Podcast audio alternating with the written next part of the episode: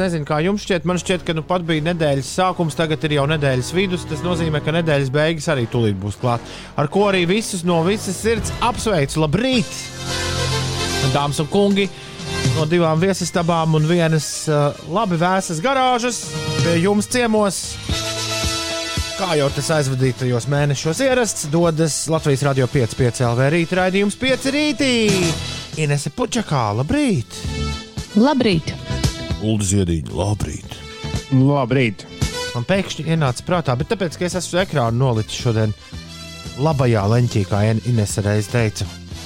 Man ienāca prātā, ka solidarizējoties ar jums, man tikai neapvainojieties. Varbūt man vajadzēja uz, vajadzētu uzvilkt brilles uz pašu rīta radio sākumu. Tad mēs visi trīs tādi ļoti saskanīgi izskatītos. Es tev toties ir laba frizūra. Tik nav, es uh, pat, uh, jo, paldies, Ulu, paldies. Paldies. Pa Visu šo, visu šo gadu laikā, pirmo reizi kaut ko tādu es no tevis dzirdu. Bet tiešām vakar pat veidoju kaut ko tādu. Man liekas, ka, Es pat saules brīvu. Tu domā, ka tas bija sarkasms, jā? Tu man do- liekas, ka tā do- bija atbilde par tām brillēm. tu Tomēr, domā, jā. Tu domā, ka tas bija sarkasms? Jo, haidī! Un tieši rītā, Ulu, ka es tādu dziesmu esmu atradis, ar ko mums uzsākt rītu. Uh, jā. Nu kādu? Vā, baigo, baigo dziesmu. Man šķiet, ka mēs kādreiz esam astoņu gadu laikā, piecos rītos šo dziesmu pieminējuši, bet no A līdz Z vēl nekad neesam dzirdējuši. Nu, tad Tam ir kaut kāds iemesls. uh, uh, saturieties! I have the raisin muffin, and I am the elf.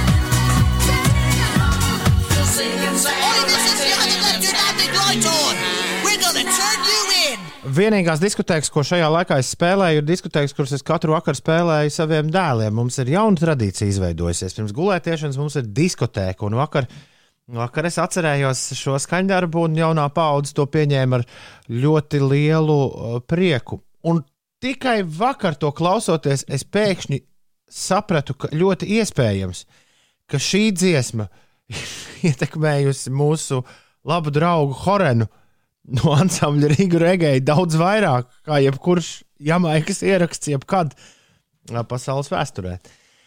Tas, ko jūs dzirdējāt, bija divas lēles no īrijas sabiedriskā mēdīja RTE, kur ā, 80. gadu beigās tika izdomāts bērniem televīzijas šovs, kurā darbojās Zigs un Zaks.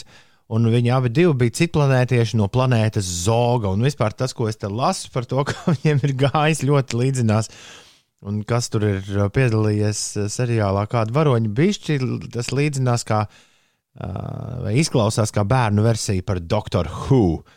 Ziganzēg, vienīgais starptautiskais grāvējs, turn on your landing lights, kur pat mūsdienās ir diezgan grūti. Tur ir jāiet zināms ceļš, lai šo sameklētu. Nav tā, ka pie tā ir iespējams tikt uh, visos straumēšanas uh, pasākumos, bet uh, šis skaņdarbs šodien aizstraumējās līdz jūsu ausīm un atklāja piecus rītus 2021. gada 3. martā. Kādas sajūtas, Ulu, tev bija šo dzirdot? Nu, labas tādā ziņā, ka es paspēju iztīrīt zobus, bet nu, traņķis jau baigais īstenībā. Turn on your landing lights. Turn it on. Bet dīvainā kārtā es šo biju dzirdējis. Tas man pārsteidz. Mūsu platuma grādu radioviļņos šī dziesma nonāca. Kurš gan tas gads ir, to es tev gan nepateikšu. Mūzika. Turn on your landing lights. Oh, ja. Man ir aizdoms, ka viņu lielākais grāvējs pat šis nebija. Viņiem bija uh, grāvējs ar nosaukumu Dem Girls, Dem Girls. Un lieliski viņiem ir 95. gadā bijusi dziesma kopā arī ar Redneks, kas nemaz neizbrīna. Ne? Tie varētu tikpat labi arī būt redneks, kas viņus tur Jā, Zig and Zag. Jā. Ah, Simons Kovels. Šis ir lieliski. Simons Kovels esot bijis atbildīgs par viņu mūzikas karjeru. lieliski. Varēni. Tas bija Simons Kovels patiesībā, ko jūs dzirdējāt. Kāpēc saminat tik ātri dziedu? Varētu viņš lēnāk to darīt. Uh, jo es galīgi neesmu gatavs tam, kam jānotiek tālāk ir rīta raidījumā pēc šī uh, superātrā dziedājuma. Aminat, kas ir? Kāpēc tā? Man kolēģi arī man nekādā veidā neglābi šorīt. Nē, Kaut ko, kaut ko noteikti. parunājot. Mēs tā parasti darām. Nezinām īsti, kā tevi glābt. Kad jau varat uzdot kādu jautājumu, vai pareflektēt to, cik ārā tumšs vai, vai kāds mēnesis. Kāpēc mēnesis atrodas tur, kur viņš atrodas? Viņš pirms divām dienām bija citā pozīcijā, kad es gāju ārā no mājas. Es nezinu, vai ar, mēs ko, būsim. ar ko tas izskaidrojams? Ko? Īstie cilvēki, kam to jautāt. Aha, mm. izrādās, ka tā. Kā gulējāt?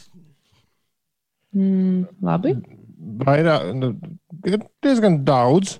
Salīdzinoši es jau biju pirms 11. krietni miegā, bet no rīta tāpat bija tāda jocīga sajūta. It Vispār es arī aizgāju gulēt pirms 11. Yes. kas ir diezgan liels retums. Jā, beidzot, es esmu bijis pēdējais, kurš aizgāja gulēt.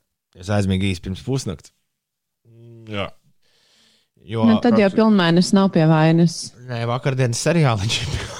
Tas pats par, eh, Tas pats par, stu, par Stuartīti. Bija, bija, Ah. bija, bija jāpaskatās vēl tālāk. Jā, nu jau, nav, nu jau, nu gan nav labi. Es saprotu, ka tur angļu jaucas pa vidu, bet Jūlijas raksta, ka viņš ir aiz pierobežas zīmes un viņam radio miksē piecinieku ar kristīgajiem korāļiem. Izklausās bailīgi. Iedomājieties, ja es tur runāju un pēkšņi la, un atkal tur runāju. Un, la,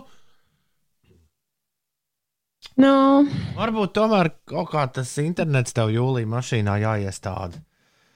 Sliktā nu mērķa. jā, ja tu domā klausīties vienkārši mašīnā, tad, protams, ka tas radio uztvers to, kādā, nu, kādos viļņos tu iebrauc. Man liekas, ka ir diezgan nepareizi cerēt, ka ārpus Latvijas robežām varēs klausīties. Bet var. Padomā par, uh, padomājiet par slikto meiteni, kas stūrē cauri savā fūrītē visai Eiropai. Jūs domājat, ka viņi kaut ko FM klausās? Ha! Saslēdz vajadzīgos ķūniņus, šņūniņus un nospiež plēju un bliež. Gan jau, ka tev sliktā meitene par tiem datiem bišķi jāpiemaksāja klāt. Ja tu mūs klausies tik ekstensīvi, kā tu to dari. Bet es ticu, ka tu to mierīgi vari izdarīt. Labrīt, sliktā meitene raksta. Man gan tikai pēc stundas jāceļas, bet pamodos un tieši laikā uz jums, lai visiem kolosāli šī diena. Apēd kādu gardu vācu brokastu maizi par mums, sliktā meitene šorīt. Kādā tankštelē. Man sapnis bija saistīts ar kaut kādiem ēdieniem ārzemju. Bet vai es tagad varu atcerēties ar kādiem? Bet tiklīdz es pieminēju vācu benzīnu tanku, tā kaut kāds dežavu sāka griezties galvā. Labrīt! Nemanot aizmīgu ap desmitiem raksta lauma, bet pamodos pirms himnas. Tagad nezinu, ko darīt, jo visi guļ un ārā tumšs. Klausies mūs, mēs mēģināsim tevi izklaidēt, cik nu vien mēs uz to esam spējīgi 6 un 17 minūtēs. Ines, kas notiek? Šajā rītā gaisa temperatūra Latvijā ir robežās no 0 līdz minus 3 grādiem. Mākoņu ir maz, nokrišņu nav. Vietām kurzemē galvenokārt Liepājas pusē ir izveidojusies bieza migla un autoceļi daudz viet. Ne tikai Liepājas pusē, bet eh, visā valsts teritorijā ir apledojuši. Dienas laikā daudz vietā kurzemē būs mākoņains un miglains laiks, bet citviet gan spīdēs saule, pūtīs lēns līdz mērens rietumu un dienvidrietumu vējš. Maksimālā gaisa temperatūra robežās no plus 6 līdz plus 9 grādiem, bet eh, kurzemē, kur saglabāsies migla, kā arī Rīgas līča piekrastē, eh, vidzemē, kur pūtīs dzestras vējš no ūdens puses, temperatūra sasniegs tikai plus 3, plus 5 grādus. Pašā galvaspilsētā pārsvarā saulains laiks, mērens rietumu, dienvidrietumu vējš un maksimālā gaisa temperatūra ap plus 8 grādiem. Ledus sastrēgumu dēļ pēdējā diennaktī strauji cēlies ūdens līmenis Gaujā pie Cārnikavas un arī Daugavā pie Zeļķiem. Tā liecina Latvijas vidas geoloģijas un meteoroloģijas centra informācija. Pie Cērnikavas ūdens kāpis par 1,2 metriem, sasniedzot 3,13 metrus virs novērojuma stacijas nulles punkta, kas ir augstākā atzīme kopš 2005. gada janvāra vētras. Naktī ūdens līmenis gan mazliet pazeminājies, savukārt eh, Daugavā arī ledus sastrēguma dēļ pie zeļķiem ūdens līmenis kāpis par 2,2 metriem. O, tas tik būtu, kas to ledus sastrēgumu savām acīm skatīt. Bet, Var jau aizbraukt. nu, jā, ko tik nevar? Var arī nebraukt. Kurā Un, vietā? tas sapņo, un sapņot par to. Gaujā pie Zeļķi. Cārnikavas un Daugavā pie zeļķiem. Es biju pagājušajās brīvdienās ogrē. Nu, tur vēl nebija tāds pamatīgs ledus sastrēgums, bet izskatījās, ka kaut, kaut kas veidojās un bija forši skatīties, kā tas ledus plūst uh, pa upes straumi un tad ietriecās iekšā tādā sastrēgumā. un Tad, jā, skaties, vai, vai un ir kā tas viesnīca. apbrauks ledu. Tur ir viesnīca suņiem tieši zeļķos, kā tur kartē. Neko citu tur īsti nerāda. Galvenais suni nelaid uz ledus. Uldi. Uh, Jā. ja vēl uh, sastrēgs. Klau, bet um, uh, ledus sastrēgums turpinās arī tur, kur man patīk skriet meža parkā. Ir tā tad jau, mm. Ir jau uh, vakar bija jau tātad 2. marts, dienas kādas piecas vai sešas kopš ir ārā rīktīgi silts. Bet nu joprojām vietām ir tā, ka vienīgā doma ir, kā lai uz mutes nenorauj. Nu, man tas beigsies? skrējēji ir beigsies? stāstījuši, ka esot diezgan labi skriet te pa to promenādi, kas ved no centra līdz uh, ķēngragam, šķiet, ka vai dārziņiem pat. To es svētdien izmēģināju. Tur ir tiešām fēni. Jā. Es pati pamēģināju māru pēc skriet. Bija diezgan silts laiks. Es skrēju pirmdien. Bija diezgan silts, un tur tā, tā rožu iela, tāda, nu, satiksmē nenoslogota, bet uh, diezgan jauka, jo tur privāti mājiņas un, un vēl neapbūvētas pļavas. Vienīgais, kas man sabojāja mazliet skriešanas prieku, bija tas, ka tur mārpē kāds savus plasmasas atkritumus ir dedzinājis un nebija ko elpot. Jā. Nu, sākas dēļas dēļas laiks. Tā vienkārši kaut kā ir. Jā, bet nevajag. Nu, labi. Tur lapas pērnā gada varbūt, vai kā tos vēl, to, to vēl varētu, bet ne jau plastmasu. Nu, dažreiz sanāk, net, man, piemēram, ir sanācis netīšām. Tad es nosolījos, ka es nekad, nekad, nekad tā vairs nedarīšu. Tā kā viss sāk smirdēt apkārt. Bet tas bija sen, tā vairs nav taisnība. Ir uh, 6,22. Labrīt, trešdienā, 3. marts, skan Latvijas radio 5,5 LV, un šis ir labinieks, Eliots. Labrīt! Labrīt, Rīga, labrīt, Latvija, labrīt, pasaule! Toms Grēviņš, Ines Puķeka, Ulrichs Ziediņš, trīs muskatieri. Bez D'Artagnāna turpina uzbrukt radioviļņiem starp 6 un 9 katru rītu. Un vakar mēs noslēdzām raidījumu ar fantastisku mājaslapu. Ar, fantastisku mājaslapu, kur es teicu, ka katru rītu vajag viņu atvērt, eh, pirms mēs vispār sākam, ko es šorīt neizdarīju, jo nebija, protams, laika. Katru rītu viņu vajag atvērt un bišķi viņu paskatīties, pirms mēs sākam rīta raidījumu. Joprojām es nezinu, par ko es vairāk smējos. Par to, ko es redzu tajā mājaslapā, vai, vai par to, ka kādam ir tiešām ienācis prātā pavadīt pandēmiju šo uzprogrammējot, kas noteikti nav bijis viegls, uh, viegls darbiņš. Uh, bet uh, es neesmu pārliecināts, ka vakar uh, tevis rakstītajā interesantajā ziņā man izdevās līdz galam izstāstīt nu, precīzi arī cilvēkiem, kur nav tajā nekad ieskatījušies, kas tas ir. Uh, Proti, kāds ir savācis veselu kaudzi ar bildēm, kur cilvēki ar pirkstu kaut ko rāda. Un, uh, un, un tā doma ir tāda, tu atver to mājaslapu, kur tu noliec savu peli. Tā tev ielādē vienu random bildi, kurā cilvēks tajā brīdī tieši norāda uz tavu kursoru. Bet tās bildes ir tik stulbas. Kā patiešām šis ir joprojām arī šorīt nu, automātisks garstāvokļa uzlabotājs. jo tev ne mirkli nav ideja, kurā, kurš kādā kādīs uz kursoru. Jums, Jā, jums, vajadzēja, jums vajadzēja vakar redzēt grēviņu kundzes seju, kad es viņai mēģināju šo demonstrēt īsi pēc pulksten deviņiem. komentārs bija vienkārši, tev tomēr vajadzētu laikam vēl aiziet pagulēt. Kaut kā apmēram tā. Galvenais, ka pabīja to kursoru burtiski par milimetriņu, un vienalga ir cita bilde. E-punkts uz kur kursors. Es nebiju domājis, ka, tā, ka tāda lieta jūsos varētu radīt tik lielas emocijas. Un Toms vakar smējās uh, nu, līks pilnīgi. Pointer, Ev, pointer, kom vai e-punkts uz kur kursors. Jau man izdevās dabūt vienādu bildi. Wow!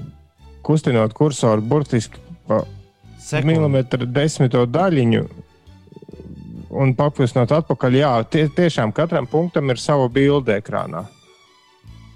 Crazy. Grūti izreikināt, cik tos punktus vajag. Bet tāpēc tam ej un staigā pa svešiem Facebookiem vai Instagramiem un savāc. tā- meklē tās bildes. ne. Tieši tās, kur kāds rāda šitā te ar pirkstu.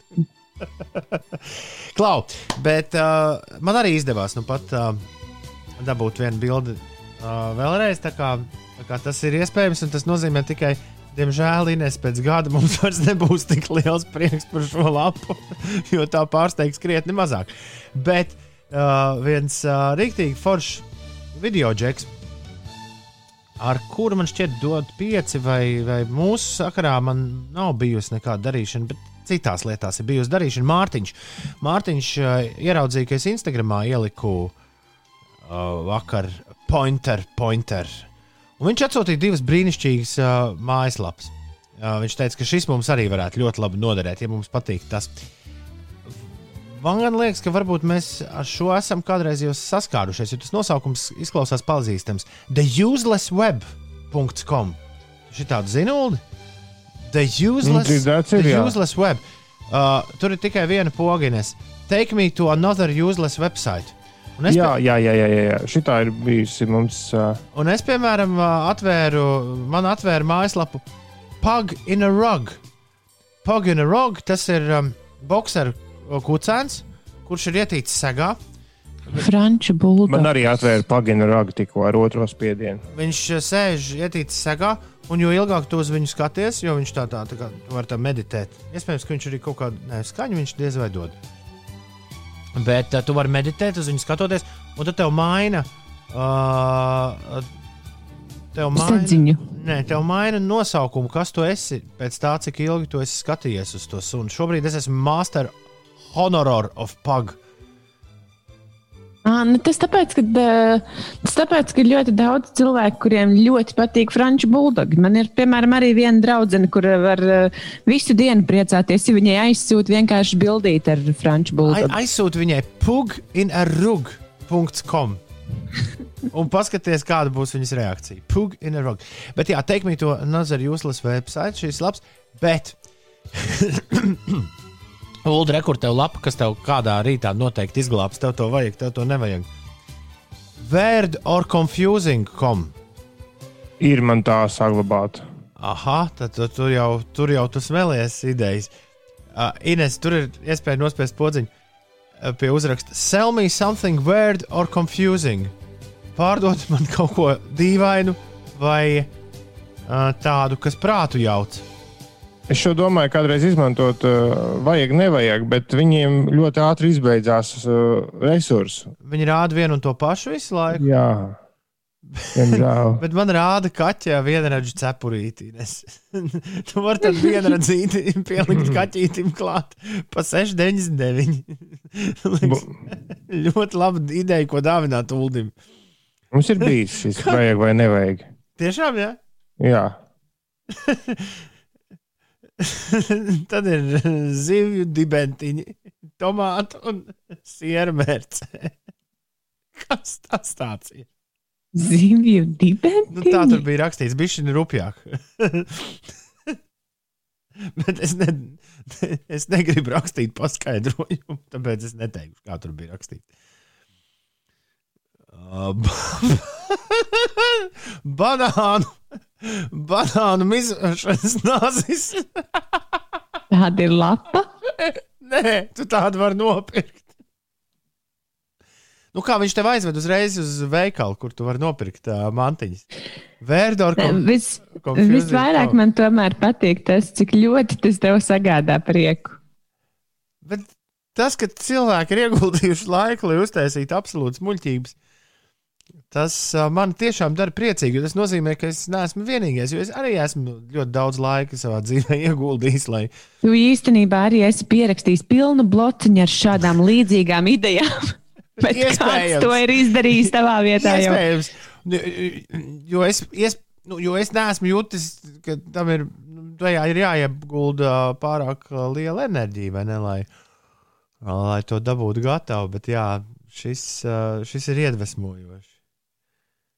Un Par šo mēs runājam katru piekdienu, rubrikā tev to vajag, tev to nevajag. Lūdzu, to slēdz ārā, to mājaslapu un beidz spaidīt. jo Nē, nē, nu, vērts confusing. Es vairs neņemu, jo tā, eh, spiežot pāris reizes refresh, agrāk vai vēl tev noved pie kaķu spalvu, eh, kā to sauc, nevis tamborēšana, bet kā sauc, ka no vilnas tu tā. Nē, es, nu pat Tā ierau, es- es nu pat ieraudzīju bekonu plāksterīšus, kurus es atcerējos, ka tu par viņiem esi stājis. Bekona plāksterī. Jā, tu uzlīmē plāksteri, bet viņš izstāsta pēc bekona šķēlītes. Man liekas, smaržo.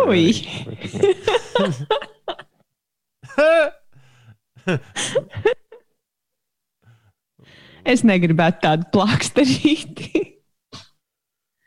Man aizved nu pat pie labākās preces, kas ir pilnīgi balts ekrāns un rakstīts nothing, nothing, nothing, un maksā 55 dolārus. Jā. Mm. Un bērnu grāmatiņa, kāpēc tu vēlēsies spēlēties ar manām oliņām? Tā par lieldienu tematiku. Jā, Drīz jau būs, varbūt uh, iegādāties. uh, jā šogad ir lieldienas, starp citu, ļoti agri ir gaidāmas. Jā, Mhm. martā jau. Mhm. Nē, nē, nē. Nu, Kā nē? Kā? Februārī, ap, aprīlī. Februārī. Jā. Lieldienas jau bija. Upsī. Visi nokavējās. Upsī, Deizī! Mēs palaidām garām lieldienas. Pandēmija vēlas ar ārā! Bet Uldis zina vislabāk, kad, kad būs lieldienas, jo man liekas, viņš ir kaut kad ap tiem datumiem paņēmis atvaļinājumu. Nu, gan drīz es arī esmu. Toms arī? Es arī esmu paņēmis atvaļinājumu. Un Malači. Jā. Bet vēl Visu laiku ir aprīļa atvaļinājums. Uh, nu jā, bet tas ir gandrīz tā kā martā. 2, 3, 4 un 5 aprīlis. Tas ir gandrīz marts. Nu, Jā. Un tas tad ir. mēs šobrīd esam gandrīz februārī. jā! jā, tieši tā! Vēl joprojām gandrīz. ir 6,34 minūtes. Es uh, pieļauju, ka ir jau labi. Da- Kādam pie radioaparāta šķiet, ka nu jau kādu labu laiku viņi varēja nospiest vienkārši play pogu un uzspēlēt uh, armēņus. Uh, droši vien, bet armēņus mēs spēlējam tagad. Vismaz armēņu izcelsmes vīrus.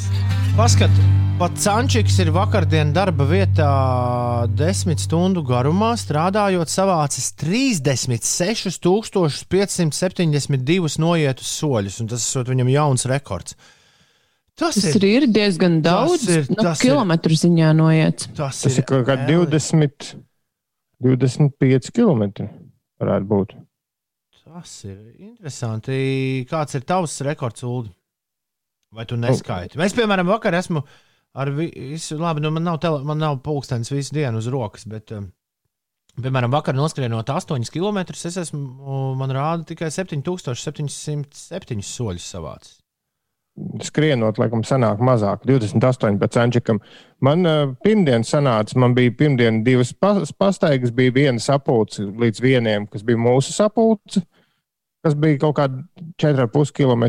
Un tad pēc tam man bija tā zūma sapulce, 3 stundas, tā, tā aizvilka uz 8,5 km. Kopā 20,000 soļu. Repats Ančiks raksta 28 km. Wow! Tas tā, zināšanai- iespaidīgi. Trīs stundu sapulce mierīgā gaitā, bez baigās tādas skriešanas, ir uh, 8 km, nedaudz vairāk. Tad, lai savāktu to, ko pats Ančiks, pats Ančiks dara visu dienu, ir jāsteigā. Nu, Jā, kaut kādā pāris stundas. Un... Mm.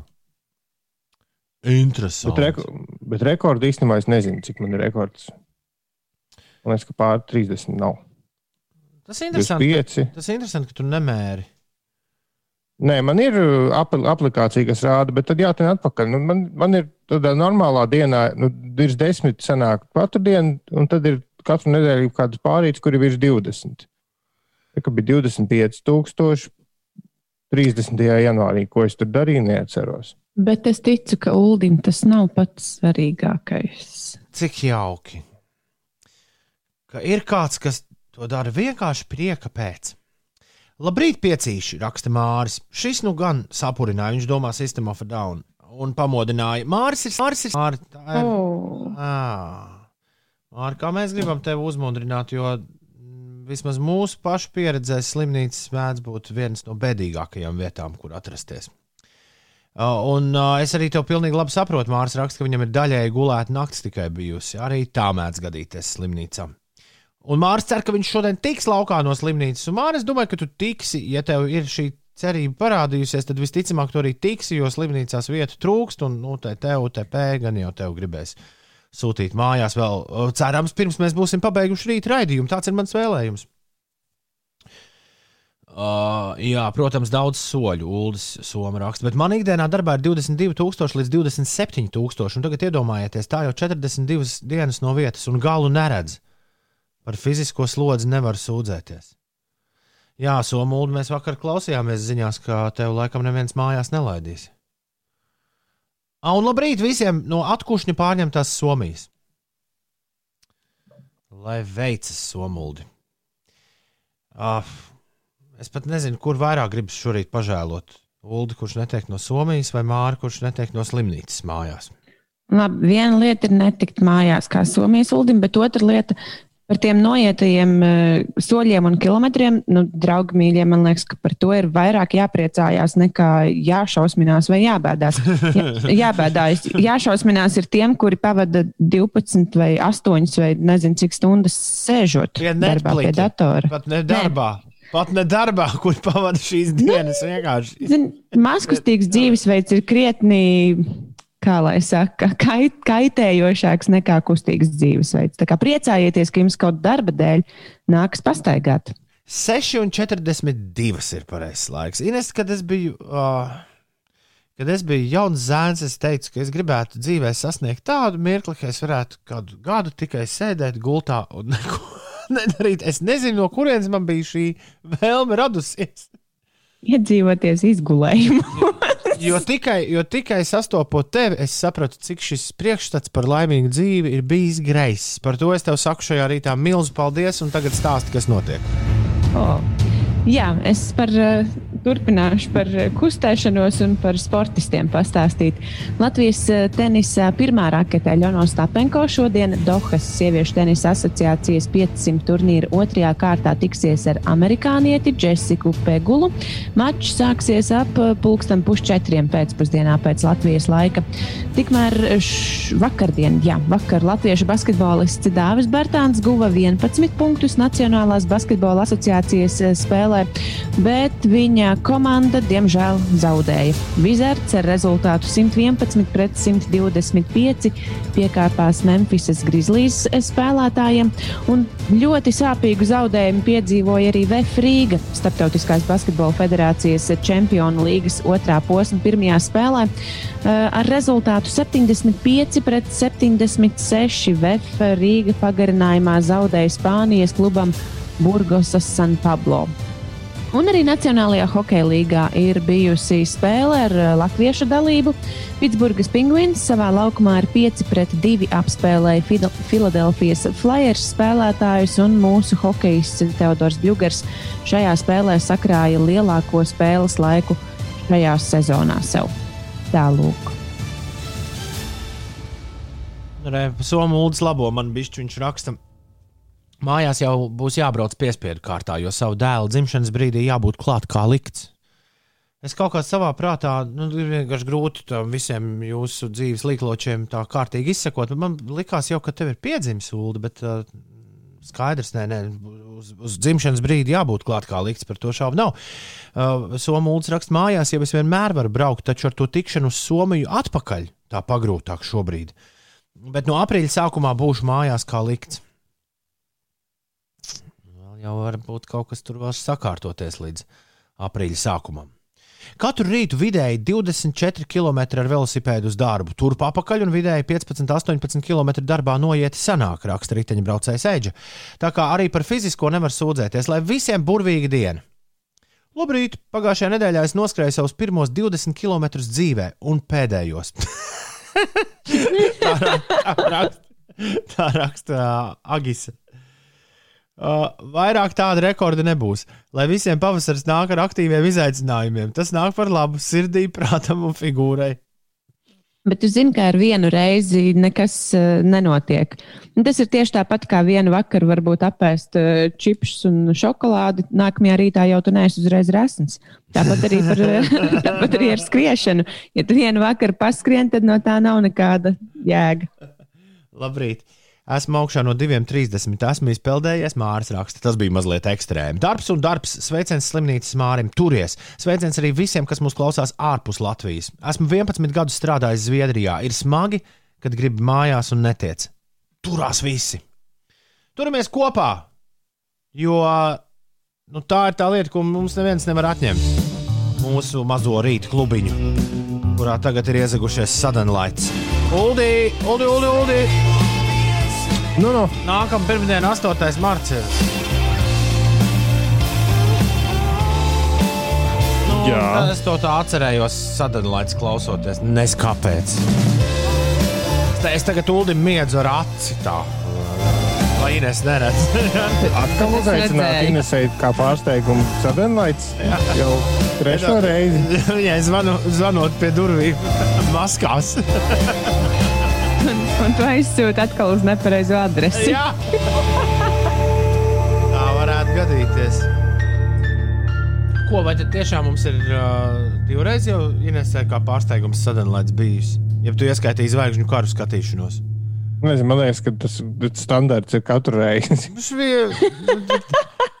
Bet, tā, bet, tā ir, bet tās ir uh, mūsu, tie ir mūsu ziedu un šmafa elo končus. Ar šo vienmēr var izbraukt.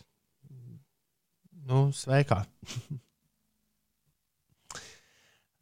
Kad nav labāku ideju. Sadalīts bez desmit minūtēm, septiņos. Kāpēc? Kad nav labāka ideja. Tā bija ļoti laba ideja tajā pirmajā eh, reizē. Nu, vispār es, es vienmēr priecājos satikt sadalīts puikas. Ir bez desmit minūtēm, septiņi. Es vienmēr priecājos, kad Ulas dzied. Laika mašīnā. Nozīmē, ka laika mašīna ir klāta, un mēs tūlīt dzirdēsim kaut ko, uh, kaut ko, um, kaut ko senu. Jā, jo laika mašīnā mēs braucam atpakaļ laikā. Un 2021. gadā laika mašīnā jums nevis ir svarīgi uzzināt, uh, pateikt, ka uz kādu laiku tieši mēs esam devušies, bet jāatmin, kas dzied dziesmu, kuru es jums atskaņoju. Uh, šis konkurss ir. nu, Tāpēc tas arī nav konkurss, jo konkursos parasti ir bal, nu, reāli taustāms balvas. Šeit tāda diezgan abstrakta balva. Jums iespēja pieiet pie leduskapja un apēst kaut ko ekstra garšīgu no tā, kas jau jums ir tur tajā leduskapī iekšā. Tā kā principā jūs balvu jau paši sev esat tā kā sagādājuši. Es vienīgi jūs, no jūsu sirdsapziņas noveļu to ekstra garšīgo lietu. Bet, uh, bet priekš 21. gadsimta šī spēle ir gan stulba, jo nu, tādā tālrunī nu, tā roka sniedzas vai ne pēc aparāta, kurš tev uzreiz pateiks, kas tur tagad parādījā skan. Bet, uh, jā, sauciet mūs par nelgām, bet mēs joprojām ticam tam, ka cilvēki mēdz būt arī tādi, kas uh, godīgi uh, spēlē. spēles. Es nesaprotu, no kurienes tu ņēmis to domu, ka viss tagad šazamo šausmīgi. Priekš kam? Nu, kāda jēga to darīt? Šodien jūs dzirdēsiet vienu no vissvarīgākajām dziesmām, ko jebkad šī Trinidādē dzimusī amerikāņu repere un dziedātāja ir iedziedājusi. Tāpat ir tāda dziesma, kurai var dziedāt līdzi. Un pat, ja kāds šobrīd vai kāda šobrīd nodarbojas ar vingrošanu, puspaklājiņu, jūs jums ļoti labi vingrošanas soļies ar šo kopā. Bet kas šo dziesmu izpilda?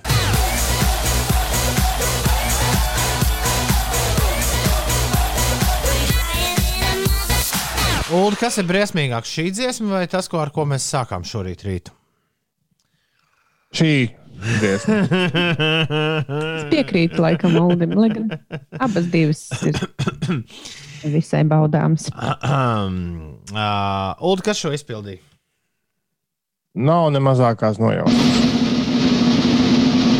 Ines, kas šo izpildīja? Kāda no tām ā, Amerikas ā, repa meitenēm nav nejausmas, kura tieši? Vai tas bija Crazy Frog? Prasa kāds.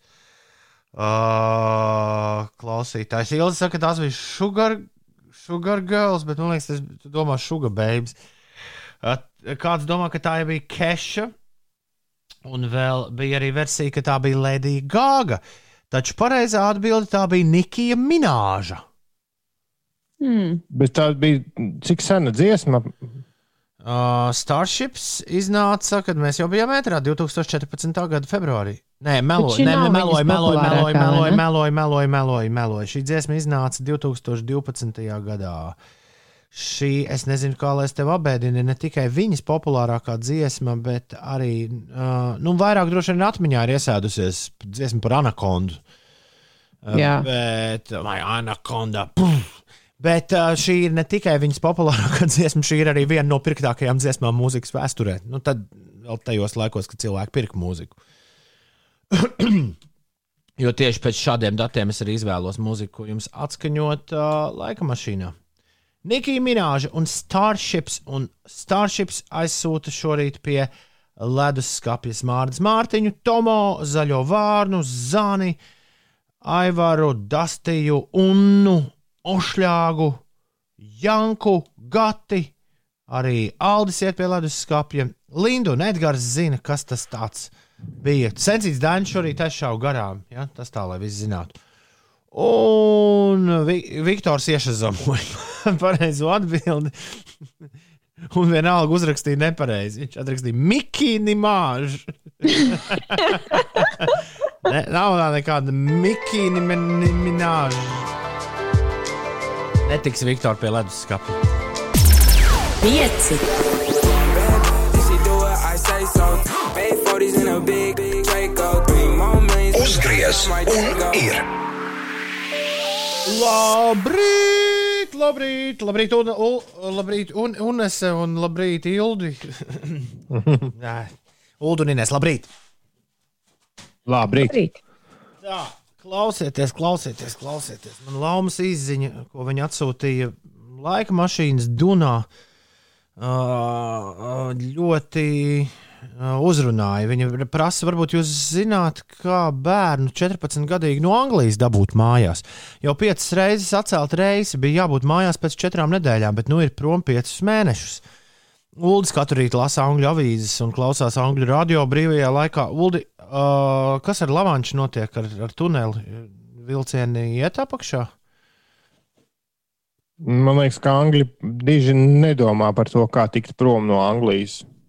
Viņiem tas kaut kā nav baigi aktuāli. Bet Vai var tiešām, pagūglēt. vai tiešām to nevar izdarīt pa savu zemi? Jo viss, kas jādara, ir jātiek līdz Francijai. Un tad jau, cik es esmu bijusi pētījis, autobusu kursēšana jau Eiropas Savienībā nav beigusies. Un tas joprojām notiek. Un es saprotu, nu, tas ir riskantāk nekā divas vai trīs stundas pasēdēt lidmašīnā, bet, uh, bet šāda iespēja ir. Un, Bet vai tev laiž pāri visām valstīm? Jā, tas, ir, jā, tas ir jautājums, kur, uz kuru es nevaru atbildēt. Man liekas, ka tur ir jāskatās, jā, noteikumi, cik ātri vai nu, kādi ir noteikumi braucot tranzītā. Atcerieties, vienu brīdi mēs, eh, nu, Latvija arī eh, noteica, ka 12 stundu laikā ir ja, Latvija, eh, nu, tā teikt, jāšķērso tranzītā braucot. Jā, jā, jā, jā, jā, jā, jā, jā. Man liekas, ka tur katrai valstī ir kaut kādi savi nosacījumi, kuriem ļoti jāsako līdzi. Bet uh, Laumai es ieteiktu vērsties ārlietu ministrijā, jeb tās nav īstais kantors, kuram par šo ir jāatbild.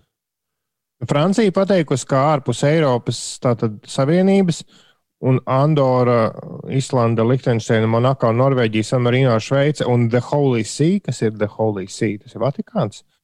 Laikam. Mm, ārpus šīm valstīm, valstīm nav uh, nu, ļauts iebraukt Francijā. Tad, tad, Tā tad, bet, bet Eiropas diemžēl, arī. Nē, tu teici, Tu, ka... bet, uh, jā, Eiropas Savienība, jā, bet uh, Anglija jau nav Eiropas Savienībā. Nu, bet tu taču esi Latvijas Apvienotā pilsonis. Ja, tu, ja tev ir 14 gadi un tev jādod mājās uz Latviju, tu esi Latvijas Bet- pilsonis. No Anglijas iebraukt Francijā nav ļauts. Damn! Nu, Tas ir ar uh, auto, bet uh, ar avio reisiem. Nu, tu la- neizla, vēlreiz izlasīji tev ziņu, Ines. Jau piecas reizes atcelt reizi, bija jābūt mājās pēc četrām nedēļām, nu ir prom jau piecus mēnešus.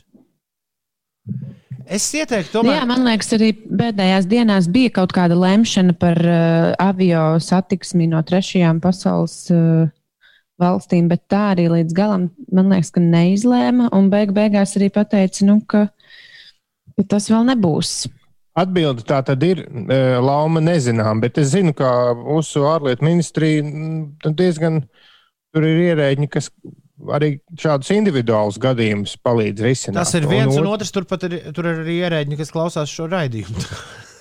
Jā, Tā kā pavisam un- noteikti dodies uh, uh, uz ārlietu ministrijas mājaslapu un sāc meklēt visu informāciju, kur un kam piezvanīt un uh, kā sazvanīties.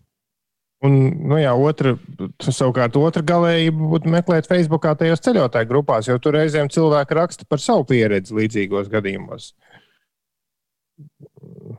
Ka neatceros tagad, kā nu tur sauc lapas. Latvieši ceļo, laikam, diskusijas par ceļošanu, tur viss kaut kas bija. Tur arī ir gan. jautājumi. un Noteikti kādam būs atbilde, kāds būs to darījis. Ja man būtu iespēja uz pieciem mēnešiem kaut kur iestrēgt, Un tev būtu 14 gadi. Es ļoti gribētu redzēt, kādu tu atbrauktu mājās ar kādiem pasaules uzskatiem. ir, ir dziedot, Buffalo Soldier, I'm from America. 11 minūtes pār 7 ir pareizais laiks. Labu rītu, jau saka saule. Labu rītu, šalko arī tas augstais vējš. Bet pāri Latvijai un pasaulē. No garāžas studijas labu rītu šalcam arī mēs.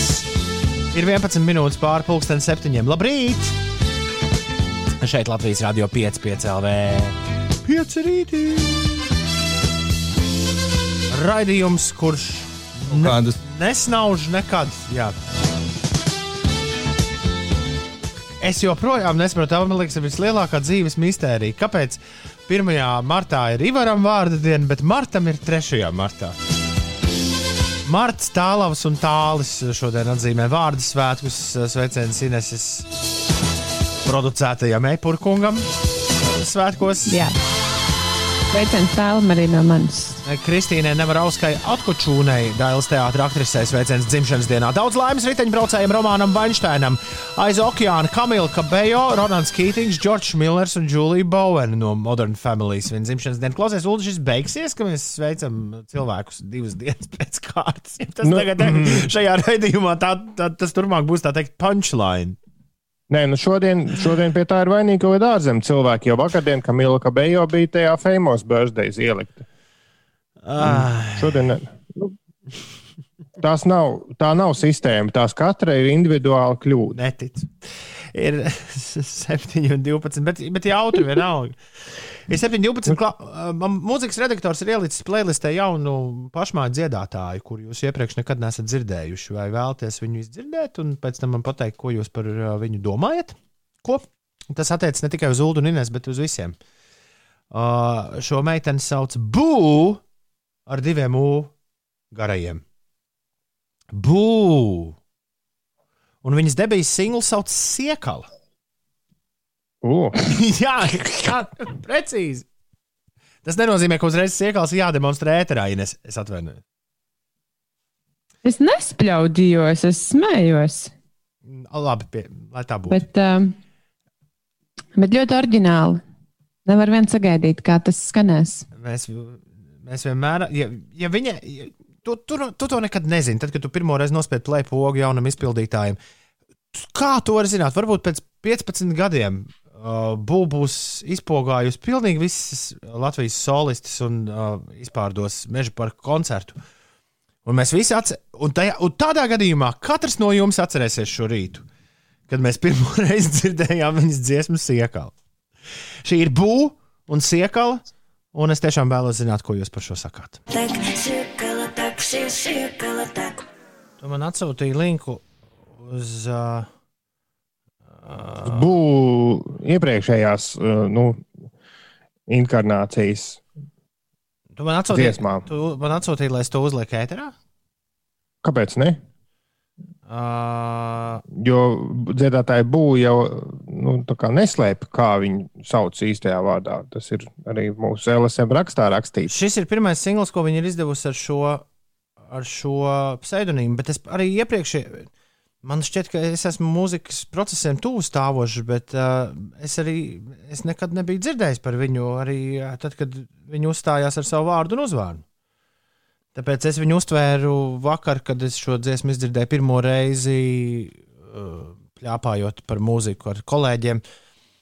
Es to uztvēru kā absolūti jaunu mākslinieci. Es, at, es arī neesmu dzirdējis, es tikai tagad sagūlēju, un es esmu redzējis šo vārdu uzvārdu bilžu afišās. Tas gan, bet eh, dzirdējis, nē. Izrādās, ka meitene jau kādu laiciņu dzied. Pirms tam es vēlos zināt, ko uh, Ines saka par siekala taku, siekala taku. Uh, es laikam norakstīšu uz savām austiņām vai uz vispār to mūsu savienojumu, ka vienīgais vārds, ko es tiešām nu, skaidri sapratu, bija tas, kas iekala tur varēja- Pārējo es tur varēja, ne, nesadzirdēju. Tur varēja īsti. vairāk vārdus saprast. Jā. Tad, tad droši vien, jā, manas austiņas un mūsu savienojums nav tāds, kā gribētos. Vismaz manā galā.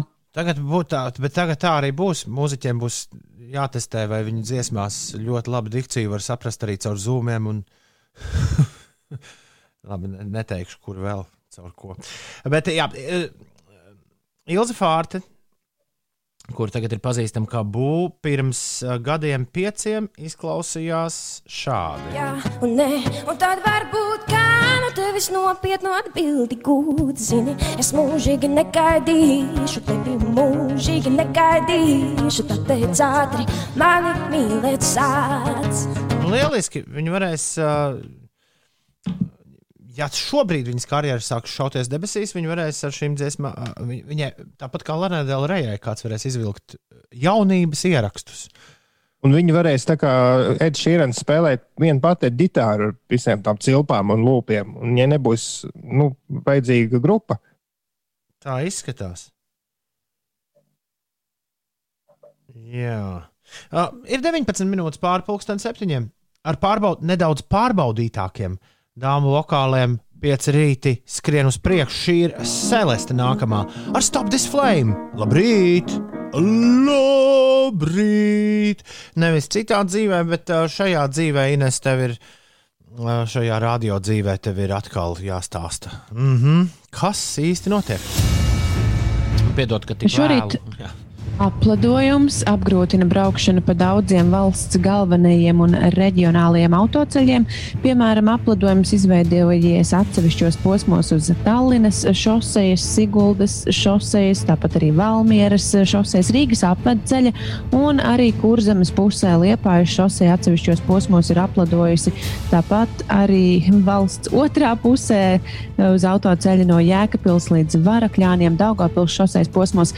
Un, protams, arī reģionālie autoceļi visā valsts teritorijā ir uh, slideni. Tā kā autobraucēji esiet prātīgi šorīt.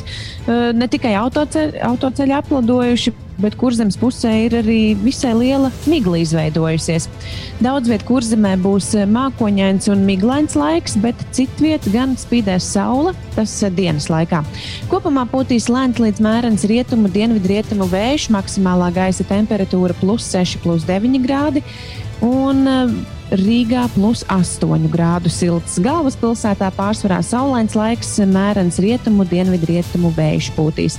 Ja mēs vēl mazliet paturpinām par autolietām, autoziņām, tad Ķīnas kompānijai piedarošais Zviedrijas autobūvas uzņēmums Volvo no 2030. gada ražos tikai elektroautorātu. Tā uzņēmuma vadība norāda, ka tas ir vienīgais ilgspējīgais alternatīvais eh, veids draudzīgu transporta līdzekļu jā, nu, ražošanā un veidot klimata neitrālu sabiedrību. Pag, šīs izklausās diezgan revolucionārī. Um, man liekas, ir arī citas kompānijas, kas par kaut ko līdzīgu ir runājušas, bet vai tās ir teikušas, ka pāries pilnībā uz elektroautoražošanu, to gan es baidos apgalvot.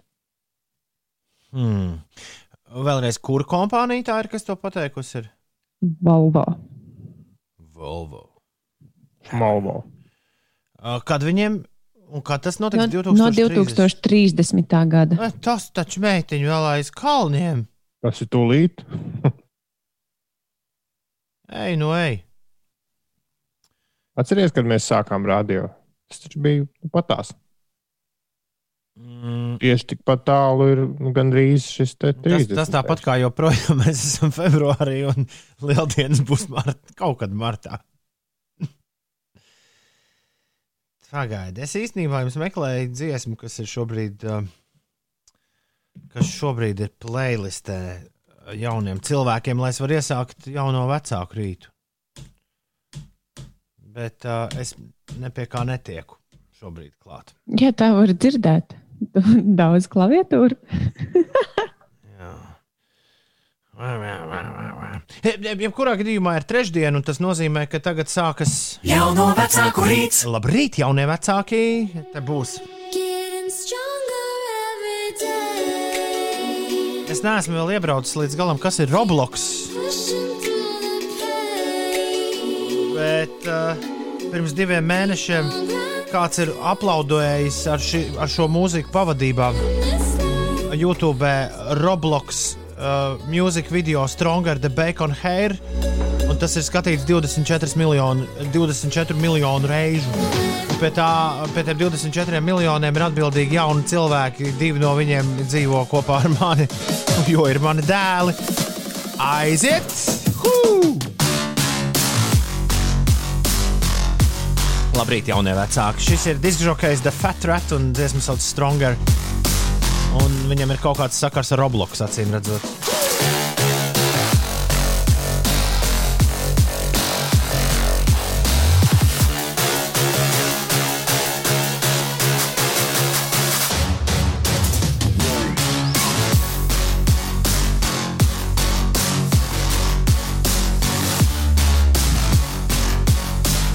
Nu, tas tā, lai uzsistu asini, lai uzsistu asini jauno vecāku rīta pašā sākumā ievadam šādas skaņas.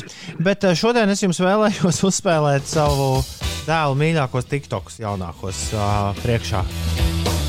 Bet viņi to Roblox arī spēlē. Uh, Robloxu mēs izdzēsām ārā. Jā. Tas tika pēc kādām pāris dienām pieņemts. Uh, nē, bet tā bija kaut kāda sistēma, kurā bija daudz dažādas spēles. Kur var pats taisīt tās spēles un spēlēt citus attaisītas spēles. Jā, bet uh, šī spēle radīja tik lielu. Roblox atklāšana radīja tādas garstāvokļa svārstības, ka tā, mē- mēs te vairākas ģimenes uzreiz nolēmām šo izslēgt. Un, diemžēl izdomājām stāstu par to, ka Eiropas Savienībā šis ir aizliegts. Pie Kā tas novedīs, es nezinu. Bet uh, tas izskatījās, tad, kad es atceros, ka es to bišķi redzēju, tas izskatījās kā kaut kas ļoti nekontrolējams. Kurā ir uh, šausmīgi daudz kas saturs, kuru tu īsti nevari izanalizēt līdz galam. Vai tas var derēt jauniem cilvēkiem, vai nevar darīt, derēt lieliem cilvē jauniem cilvēkiem. Bet es TikTokus gribēju paspēlēt priekšā. Aiziet. Uh, jo mēs esam atgriezušies katru vakaru pie tradīcijas 5 minūtes paskatīties TikTok. Un uh, es uh, brīnos par to, kas ir tieši tas, kas uzrunā jā, jauno paudzi TikTokā. Piemēram, uh, melnādains vīrs, kurš uh, nepareizi izrunā angļu valodas vārdus. Piemēram, vajadzētu izslēgt tikai mūsu tiešraidi pirms šo visu darīt. Tad vīrs, kurš izrunā nepareizi angļu valodas vārdus. Lielāks prieks vispār mūsu mājās nav redzēts ilgi. English class vocabulary. Diabli, diabli, Twindy, Twindy, Siorose, Siorose. Mi?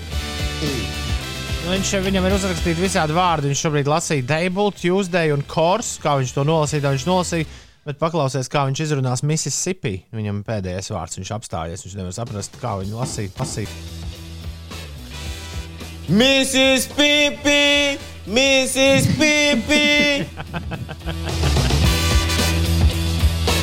Un šī tāds te. Un. Uh, uh, Tad pēkšņi izraisīja aizvakar milzīgus priekus un ā, tādu patiesu smieklu šalti. ka- Un redziet, ja tie, tik- ja tie tiktok iepatīgs, tad viņi visu laiku ir jāgriež uz rīņķi, nu, nonstopā. Divi itāļu komiķi, kuri ir iestudējuši mazu ludziņu, izmantojot akapelu no slavenā Vitas skaņdarba piektais elements. Jā, par radio spēlēt TikToks, tas ir tā interesanti, bet nu, ņemiet pa labu.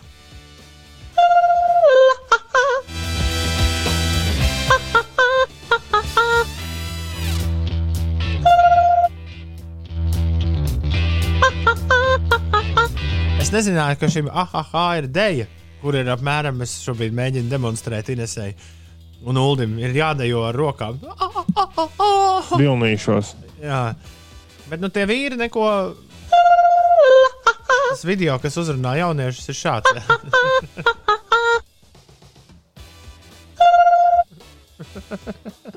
Tas ir viss. jā, jā, un viņš, Jā, šis- viņš griežas uz Es biju rīta. gaidījusi kaut ko vairāk. Ja tu redzētu, kā jaunie cilvēki krīt gar zemi šo ieraugot. Kāpēc? Nav nejausmas. Labi, un šī rīta super saturīgajā jauno vecāku rītā bonusā kaut kas arī ULDIM nu, no TikTok. Nu, aiziet. All right. yeah. Chili peppers mashup. Let's see it. You are to love you. You already know. Coming out of my cage, and I've been doing just fine. Gotta gotta be down because I want it all. Oh no. Can't make a wife out of a hoe. They go display. the hip hop, the hippie, the hippie to the hip hip hop. You don't stop the rock. Country girl, shake it for me, girl. The city's gonna break my heart. The city's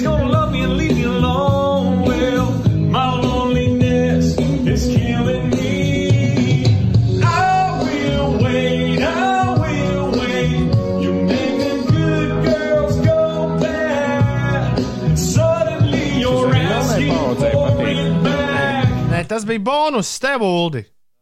Es taču, paaudzei. es taču teicu, tas tev. Kāds mēģina, tas taču nebija Weird Al Jankovičs, vai ne? Nē, tas bija Cooper Allen 1. Kāds ir sadziedājis vecas dziesmas? Uz Uh, Red Hot Chili Peppers Snow ievada. Jā, jā, nu tālāk. Nu, Vienmēr sakot, aizraujoši. kāda ir, kāda ir stāsta morāla šī rīta jauno vecāku rīta? TikTok, Nekad vairs TikTok, nespēlēsim TikTok parādījumu. TikTokā viss pa vecam. Pilnīgi bezjēdzīgas lietas.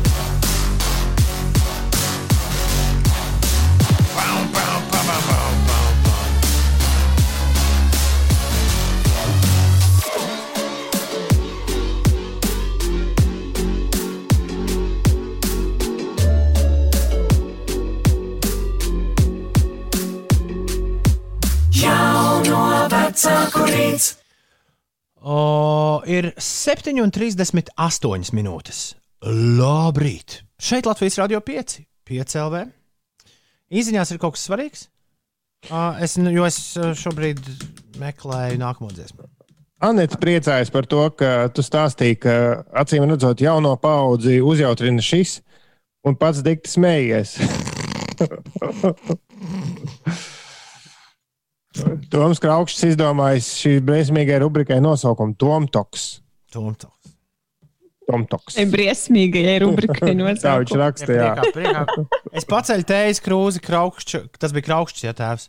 Tēvu kraukšķi, es paceļu uh, savu tējas krūzi šorīt par tavu labo veselību, tavu labo garstāvokli un uh, tam labajam garstāvoklim par godu, lai skan Foo Fighters. Jēj! Tas bija Deivs Grols un Foo Fighters. Un uh, Edgars izglāba jau no vecāku rīta, jo viņš raksta uh, stāstu, kur mēs jau esam dzirdējuši un par ko mēs esam runājuši, bet to var atkārtot. Tā ir ļoti forša ziņa. Edgars raksta, jau trīs mēnešus esam vecāki, un bez šīs dziesmas nekā, jo šī ir meitas vismīļākā un nomierina visus krēņķus. Sveicieni meitai trešajā mēnesī, un sievai kopš viņu var sevi saukt par māmu. Ja godīgi, Edgars, šī ir pirmā reize, kad es dzirdu par tādu gadījumu, kad trīs eh, mēnešus vecu zīdaini patiešām kāda konkrēta melodija uh, nomierina.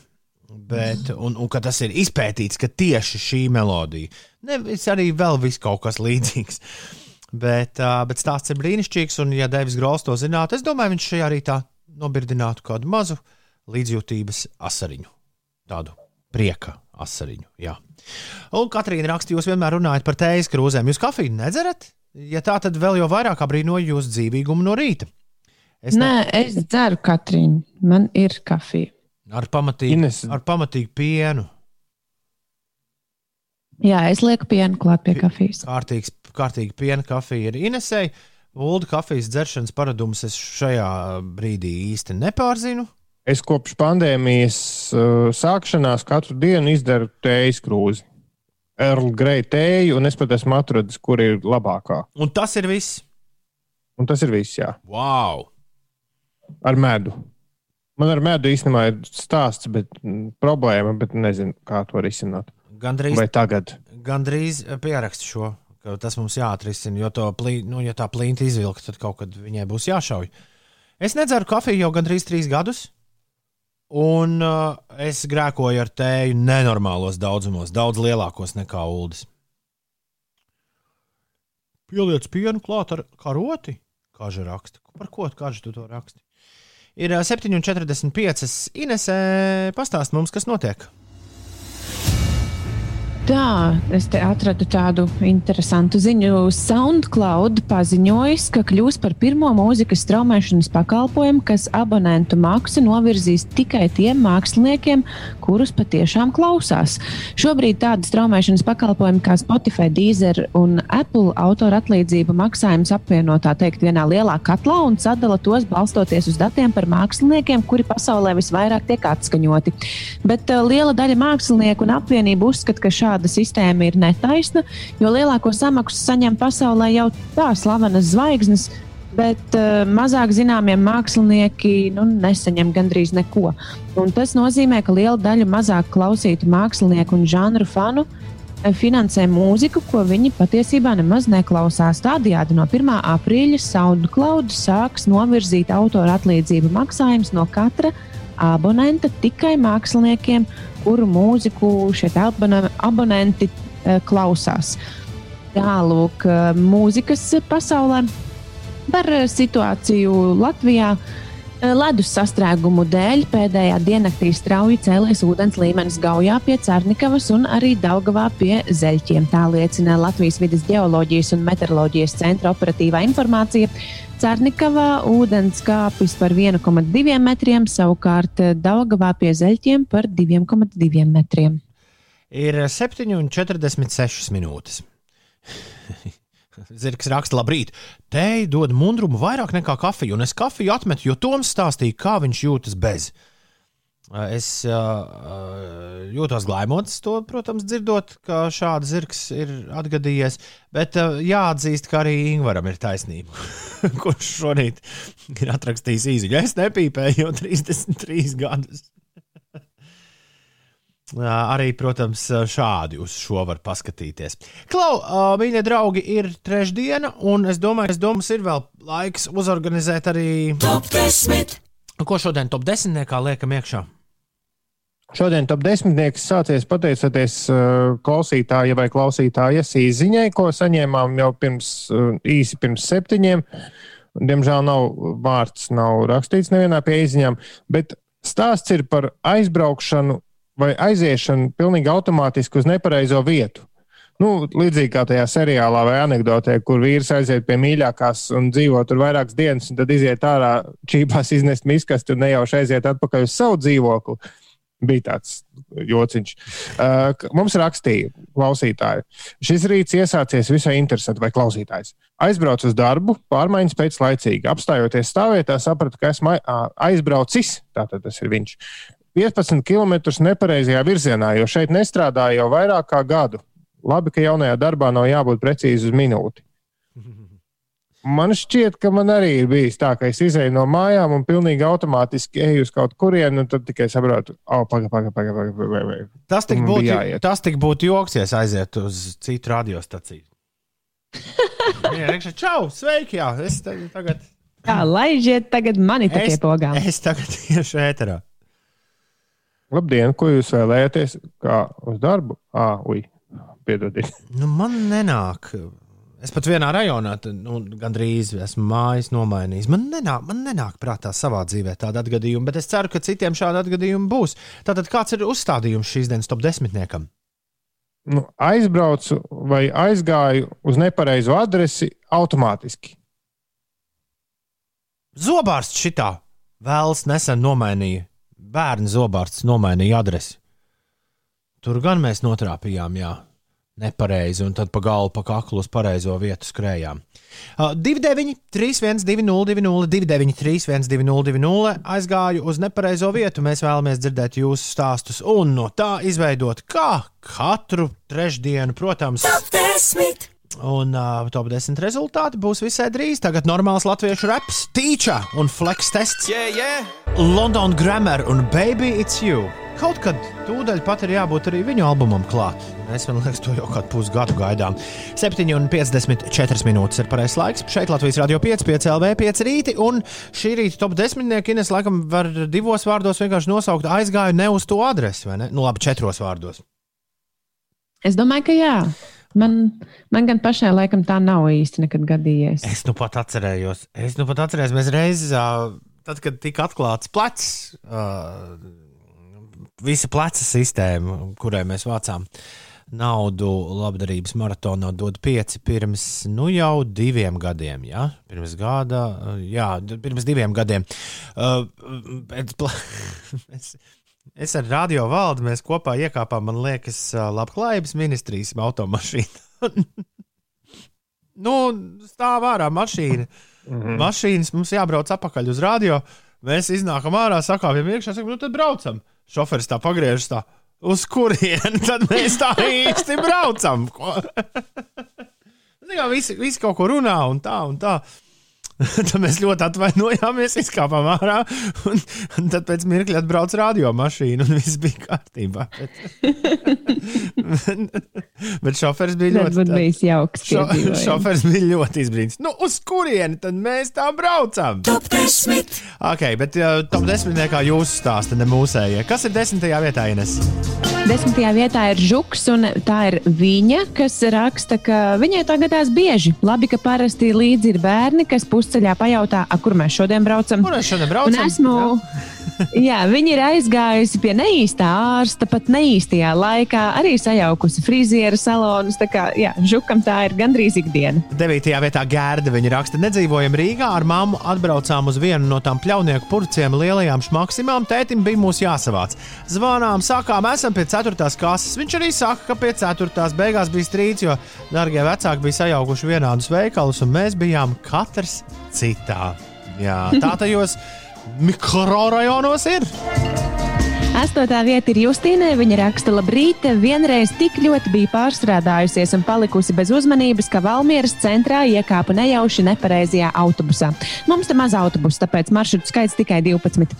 Un uh, viņa ir aizbraukusi pretējā virzienā no mājām. Kad Auč. pusceļā attapos, kāpu ārā un gāju ar kājām mājās. Un Turpat arī varētu slikto meiteni pielikt, kas 100 km pa bāni nepareizā virzienā nobrauc. Oi. Ui! Oi. Septītajā vietā strīķu Jānis. Viņš raksta, ka basīša spēle bija nolikta ādažos, bet pēc tam pārcēlās uz pļauniekiem. Nezinu, kāpēc ādaži tomēr baigi iesēdās smadzenēs. Un labi, ka braucu laicīgi un paspēju vēl arī uz pļauniekiem aizbraukt.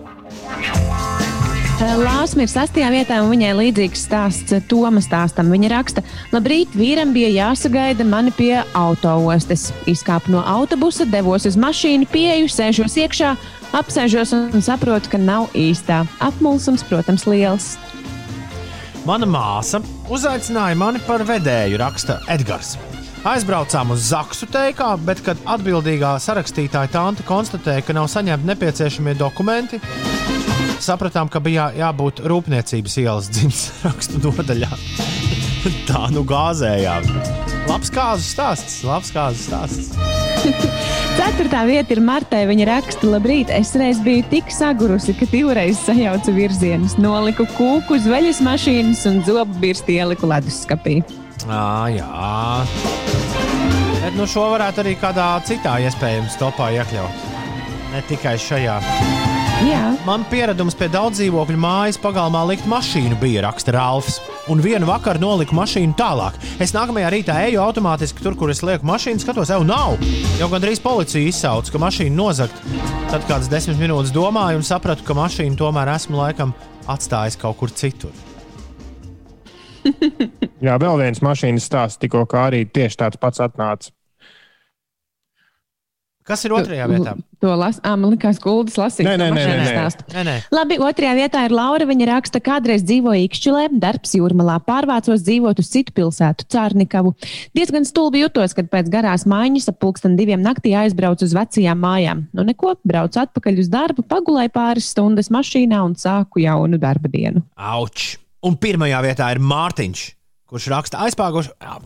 Aizpagājušajā gadā, pārdodot dzīvokli un nopērkot turpat ciemā citu, vakarā automātiski pieparkojos un gāju uz veco dzīvokli un mēģināju atslēgt durvis. Nesanāca. Pats sāku smieties. Labi, ka jaunie saimnieki vēl nebija mājās. Jā. Bet uh, Grand Prix es ieliku tepat pie pirmās vietas Ines mīļāko īziņu. Ines lasa. Ļoti līdzīgi. Jā. Lasi, lūdzu. Kāds anonīms klausītājs mums ir atrakstījis, ka 90. gadu sākumā pārvācāmies uz jaunu dzīvokli Čengaragā. Ejot mājās, iegāja blakus kāpņu telpā un dzīvokļa durvis bija vaļā. Istabā, kur dīvainā sēdēja sveša ome. Pat tad vēl neaptvēru, ka esmu kļūdījies.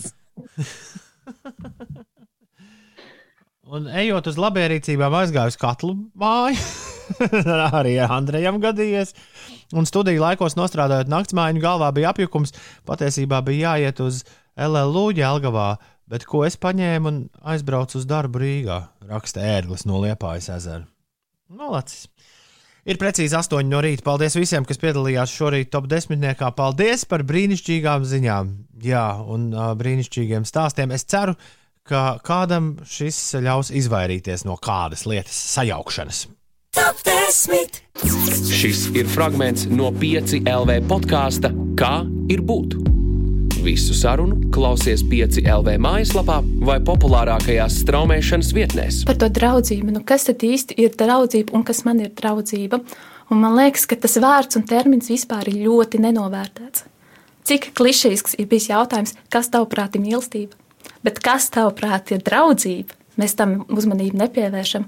Un, manuprāt, draudzība ir tikpat ā, eksistenciāli nepieciešama kā mīlestība. Tieši tikpat. Viņas nevar likt vienā katlā. Tās ir pilnīgi divas dažādas frontes. Viņas varbūt var miedarbot, miedarboties paralēli, bet krustot viņas nevajadzētu. Būt ir visādi. Trauksmaini, cerīgi, dīvaini, juceklīgi un ļoti skaisti. Sarunas par būšanu klausies podkāstā Kā ir būt. Jauna epizode katru pirmdienu, 5 LV mājaslapā un populārākajās straumēšanas vietnēs. Tu klausies 5 LV. Hey, feeling good, like I should. Uzgriez un ir. Labrīt, labrīt, labrīt, labrīt. Inesē, labrīt, Ulrīt. Jā. Labrīt, labrīt. labrīt. Pastieties, kā saule spīd iekšā. Tūlīt es varēšu gaismas laikt garāžas studijā ārā. Es jau izslēdzu savā viesistabā gaismu. Jā, gaisma ir ar mums. Un, un pirmajā brīdī, es nezinu, kā jums, man tiešām tāda sajūta, ka var gulēt, dēļ gaismas var gulēt mazāk. Bet pie kā tas novedīs, par to parunāsim pēc dažām nedēļām. Nu, kaut kā tā ir, kamēr gaišs, tikmēr nenāk miegs, vai, vai kaut kā mēram tā. Labrīt, piecīši klausa raksta. Es vakar iesniedzu savu deklarāciju par 2020. gadu un biju pozitīvi pārsteigts, kādu summu man atmaksās. Un man vēl šonadēļ jāpārstrādā, un tad nākošais nedēļa sāksies atvaļinājums, kurš man būs divas nedēļas klāva. Mēs tevi apsveicam, izklausās, ka tev zelta dzīve, vecīt. Un vēl nauda būs klāta. Nu, feini, feini, feini. Un Tūmis ir atrakstījis SMS. Saule aust rīt. Saule aust, rīts ir gaišs, viss tik skaists. Putna balss čivinā, pavasari tuvinās, sulas teg daba mostas pavasaris, nu jau kalendārā rosas ejam laukā baudīt to sauli, pretī sasaukt to pēnu saulē no dienu draugi. Tā mums tumis rakstā. SMS! SMS. SMS! SMS! SMS! SMS! Jā. Paklau, Jā. Ziņās teica par, par, vak par vakcinētajiem. Raimonds Pauls ir dabūjis vakcīnu. Jē! Viņš vakar bija mēģinājumā, nu, ko? Ne, te pat nepateikt. Pat Apsveicam! forši. Uh, Pirmdien esot sa- sapotēts un vakar Turpat kā, nezinu, diez vai. Vai mums rādio arī būs vakcinācijas kabinets? Ir uh, 9 minūtes uh, pār 8. Joks pa jokam, vai ne? Bet uh, kaut kur jau pa vidu vienmēr kāda taisnība arī parādās. Uh, tā viši. Tā, jā. Jau!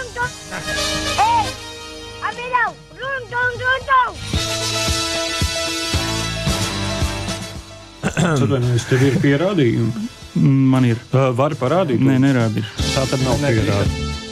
ir uh, pierādījums. Man ir pierādījums priekšā tam, ka ir uh, šodien marts numur 3. 3. marts, dāmas un kungi. Hm? Aprīlis ar steigu tuvojas. Tagad tev bija jāsaka, ko tu neteiksi. Ko tu neteiksi? Vārds Tālavs un Tālis šodien atzīmē vārdu svētkus Dailas teātris aktrisē Kristīnai Nemarovskai Atkočūnai. Mēs sūtām lielus sveicienus dzimšanas dienā. Daudz laimes arī riteņbraucējiem Romānam Vainšteinam. Aiz okeāna arī šodien, kam ir laikam ejo ir dzimšanas diena. Ronalds Kītings, Eirovīzijas vadītājs, starp citu, īrijas dziesminieks, Poison, viens no čaļiem, svin dzimšanas dienu. Džordžs Millers, kaut kāds austrāļu režisors, un no Modern Family māma Julija Bowena svin dzimšanas dienu. Sveiciens visiem, kas skatās Modern Family. Tiem, kas neskatās, iesaku. Es nesen noskatījos otro reizi un labprāt skatītos arī trešo. Lielisks seriāls. Mm, es neesmu pirmie sērijā ticis garām, kā, kā daudziem seriāliem. Bet varbūt kādu dienu, varbūt kādu dienu tavs teiktais ULDI tiks kaut kur droši vien kādā smadzeņu rievā iekšā. Stundiņu, divas, varbūt trīs. Ilgst mans radio rīts. Tas tāds, um, tāds dziesmiņš varētu būt dīdžiem, kurš regulāri aizguļas. Tāpēc viņš, viņam nav konstants laiks raidījumam, viņam stundiņu, divas, varbūt trīs. Ilgst radio rīts. 8,14 ir pareizais laiks. Labrīt! Uh, kā ar garstāvokli? Varēnī. Kaut kādais austrālis, kuru Toms Sveicis dzimšanas dienā ir uztaisījis trako maksi. Aha! Tas bija Mad Max režisors. Daudz laimes Inesai dzimšanas dienā! Es jau gandrīz vienā brīdī sarāvos, bet es atcerējos, ka Man? mēs visai, mēs visai Paldies! nesen, mēs visai nesen Ines apsveicām dzimšanas dienā. Ne, bet riekstam, riekstam cita dzīv, Ines, kurai dzimene šodien. Daudz laimes Inesai dzimšanas dienā, hip hipurā, audz laimīga un vesela. Un, um, un, un jā, laimīga. Laimīga un vesela Ines, lai tu esi tik laimīga un vesela kā Linda Līna, kur turpina šo rītu 8.15 ar Blue Monday. Labrīt! Astronauts multivitamīnu multipāka 8,22 minūtēs. Pirms tam Linda Līna. Un uh, Ingūns prasa, vai viņam vienīgajam šķiet, ka Lindas Līna balss ir līdzīga Lēdijai Gāgai. Nu, vismaz dziesmas sākumā. Hmm. Man ir grūti iedomāties, ka tā būtu Lēdīgāga, kas to dzied. Ja, ja aiztaisa acis un mēģina vizualizēt, ka Lēdīgāga tas stāv pie spoguļa. Kā jums šķiet? Man grūti komentēt. Sen nav Lēdija Gāga dzirdēta, vai ne? Varbūt arī. Jā, jā, jā. Vai ne? Uh, Tikai interesantajās ziņās. Jā, gaidām no viņas arī dziesmas, ne tikai sunīšu stāstu. 8,22 ir pareizais laiks. Inês, kas notiek? Situācija uz eh, galvenajiem valsts autoceļiem ir eh, apmierinoša, bet eh, jārēķinās ar apledojumu uz reģionālās nozīmes autoceļiem Kurzemē, Vidzemē un Latgalē. Valsts centrālā daļa izskatās pagaidām vislabāk. Ja mēs runājam par autoceļu stāvokli, par gaidāmās nedēļas eh, un nedēļas turpinājuma laika prognozi šīs nedēļas otrajā pusē un nākamās nedēļas pirmajā pusē Latvijā gaidāms šī mēneša lielākais sals un būs arī sniegs. Tā liecina jaunākās sinaptiķu prognozes. No.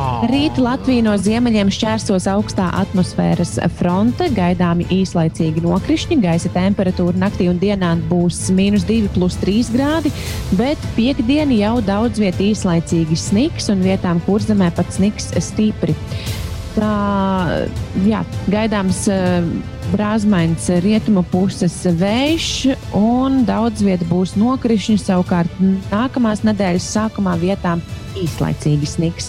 Iespējams, zemākā gaisa temperatūra būs nākamās nedēļas pirmajā pusē. Atsevišķās naktīs izklīstot mākoņiem un norimstot vējiem, termometra stabiņš vietām vidzemē un arī latgalē var noslīdēt zem mīnus 10 grādiem un sniega klātās teritorijās arī zem mīnus 15 grādu atzīmē. Tā kā neskatoties uz to, ka klāt ir marts, autovadītāji tiešām nesteidzieties vēl ar ziemas riepu nomaiņu. Šis ir šausmīgi. Vienīgi labā ziņa, ka saule, vismaz galvaspilsētā, es skatos to desmit dienu prognozu, saule gan mums sola daudz un dikti, bet. Pirmdien, pirmdien paspēja jau iedegt mazliet. Staigāju. Tam būja jāapdegumu. Jau. Jā, jā seja bija brīvs, iedegas, balts strīpiņš. Es pirmdien 12. mūsu iknedēļas lielajā radiosapulcē teicu visiem, ka es redzēju, ka kāds bija uzlicis, ka patiesībā ir 12 gada laika. Nu, kāds ņujorkietis bija ielicis, ka Ņujorkā ir 12 gada laika. Un, Un es nodomāju, tāpēc, ka tas cilvēks, kas to repostēja Instagramā, viņš arī tā nodomāja. Čaulīga. Uh, viņš nodomāja par to, ka arī Latvijā ir 12 gada laika. Un tad šis gada laiks, kurā mēs šobrīd esam, esot fake spring. Pēc kuras mm -hmm. seko Third Winter vai kaut kas tamlīdzīgs. un Real Spring ir vēl kādus divus gada laikus uz priekšu. Bet kopumā par martu saka, vismaz sinamtiķu prognozes liecina, ka mēnesī varētu būt lielāks nokrišņu daudzums, bieži sniks un līs. Nu, re, Mīnus 2, mīnus 7 grādi 8. martā, un uh, 9. martā Rīgā man rāda mīnus 3, mīnus 9 grādus. Un pēc tam varbūt kļūs arī siltāks. Nē, nu, fēni, fēni. Fēni, fēni.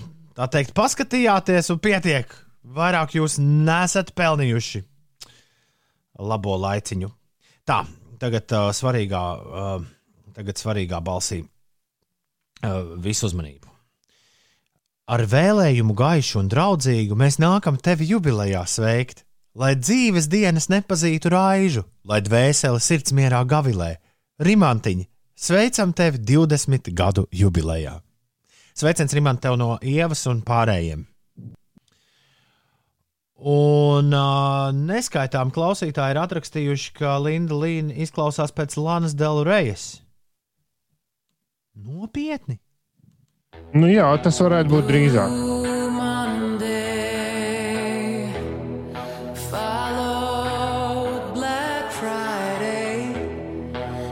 Man liekas, ka Linda Līna izklausās pēc Lindas Līna. Man, man arī šķiet, ka viņa izklausās pēc Lindas Līna. Nu, sa salīdziniet. Viņa taču ir reja, ir daudz augstāka. Nu, cilvēki nesaprotu, ka dziesmas ir- noskaņa un balss nav viens un tas pats. Bet, eh, dziesmas noskaņa, jā. Lanas balss ir bijis šāda augstākā, un es esmu nolemta lētījā. Tavā. Tu varētu, tu varētu uzstāties koncertos, jā, Tom. Jā, un kārtot matus. Jā, man būtu garāki.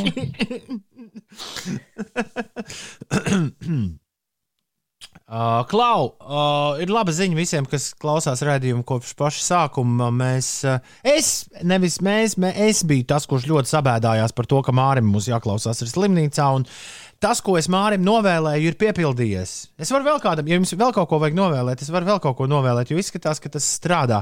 Māris raksta, yes, dakteris nu pat atnāca un teica, ka pietiek te gulēt, būs jādodas mājās. Operētā muguras daļa izskatās labi, es jūtos tāpat. Mājās gaidiet, drīz būšu un veiksmīgu dienu visiem. Šī ir viena no vislabākajām izziņām, ko es esmu uh, saņēmis šodien. Un par to man ir liels, liels prieks. Uh, Andrejs droši vien nesūtīs īsiņu garām adresātam.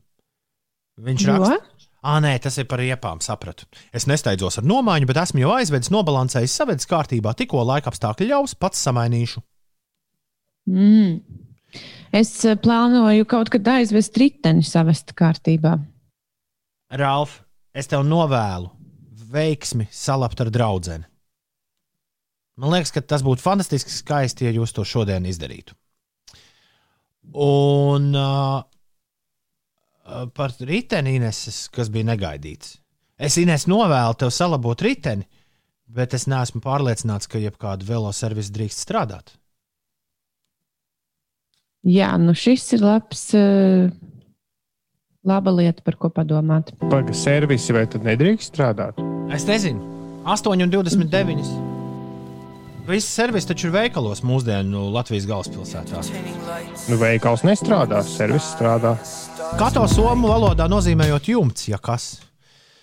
Uh, šī kato dziesma man ļoti atgādina busuļa miglas rītu. Kato, tā raksta kāds klausītājs, kato piedziedājums, es visu spēku sadotu, un busuļa atkal klāt ir rīts. Es visu spēku sadotu, un atkal klāt ir rīts. Nezinu, man gan liekas, pavisam citāda melodija šai dziesmai. Viena frāzīte. Man tas melodijas virknējums, ja godīgi, pirmo reizi kato daļradē atgādina Sijā Furleri. Tas kā nevis, nevis precīzi atgādina, bet atgādina veidu, kā Sijā taisa savas dziesmas, kā viņi viņas komponē. Tas na na na na na na na du, du, du. Labi. Nu, labi, lai arī ko, kas kam Cilvēki- atgādina. Man ļoti patīk piedziedājums un dziesma ir forša. Dziesma ir rīktīgi forša. Es piekrītu. Uh, Inese. Uh, cilvēkiem vajag manus labu vēlējumus. Uz, vienību, uz vienības gatavs ir mega sastrēgums jau no Ozolciem ielas centra virzienā. Uh, es visiem novēlu, lai mega sastrēgums izzūd ļoti, ļoti drīz. Tas būtu tik skaisti, ja viss būtu tik vienkārši, kā tu saki. Tom šodien loterija novēla man vinēt miljonu. Es tev novēlu šodien vinēt loterijā miljonu. Es arī sev novēlu uh, neaizmirst un vinēt, vinēt miljonu. Jo tad rīt no rīta mums būtu Uldi miljonāra balīti. Tu padalītos ar kolēģiem. Uh, uh, nu, es kaut ko jums aizsūtītu, jā, noteikti. Pīrādziņas.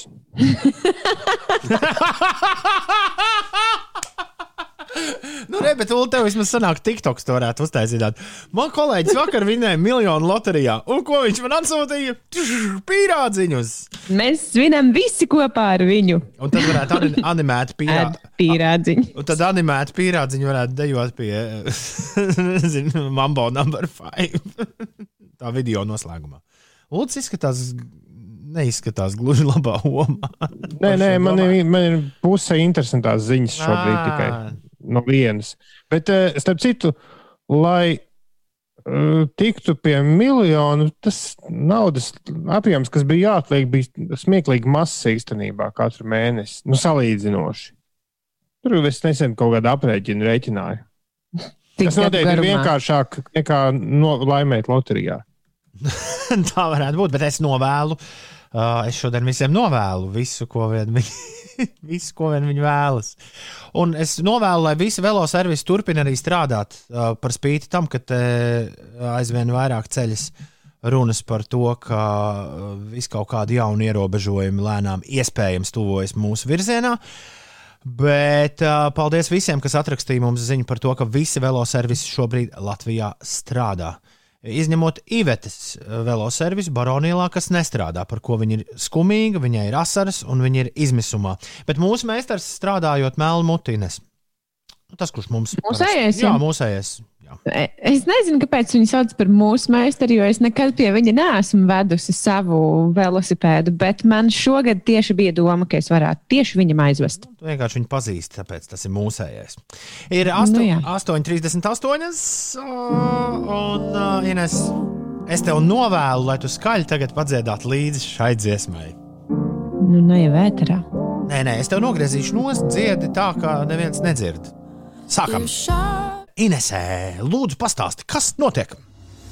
Nu, Pastāstīšu. Mums daži klausītāji rakstīja par to, ka uz vienības gatavs esot mega sastrēgums jau no Ozolciema ielas. Tā mums rakstīja kāds anonīms klausītājs. Savukārt Andrejs eh, bija rakstījis, ka tur esot viena fūra kopš vakardienas jau nolūzus. Un es skatos arī eh, kartē, ka jā, vienības gatavē ir jākavējas vismaz 15 minūtes. Tajā pašā laikā Kārļa Ulmaņa gatve arī ir sastrēgusi uz eh, 9 minūtēm.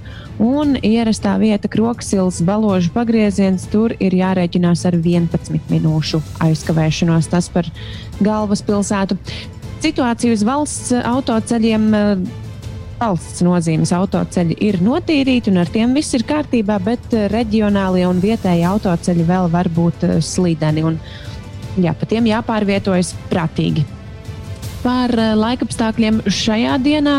Šodien daudz vietā kurzemē būs mākoņains un miglains laiks, citviet gan spīdēs saule, pūtīs lēns līdz mērens rietumu puses vējš, gaisa temperatūra plus 6, plus 9 grādi. Rīgā pārsvarā saulains laiks, mērens rietumu, dienvidrietumu vējš un maksimālā gaisa temperatūra ap plus 8 grādiem. Un uh, Toma labie vēlējumi šodien droši vien ir vajadzīgi arī mūsu tenisistei Aļonai Ostapenko, Aļona! kurai Dohas sieviešu tenisa asociācijas 500 turnīru otrajā kārtā ir spēle ar amerikānieti Jessiku Pegulu. Tas ap pulksten pusčetriem pēcpusdienā pēc Latvijas laika. Aļona, es tev novēlu tai pegulai parādīt, kur visas pagalas, ja? tā teikt, atrodas.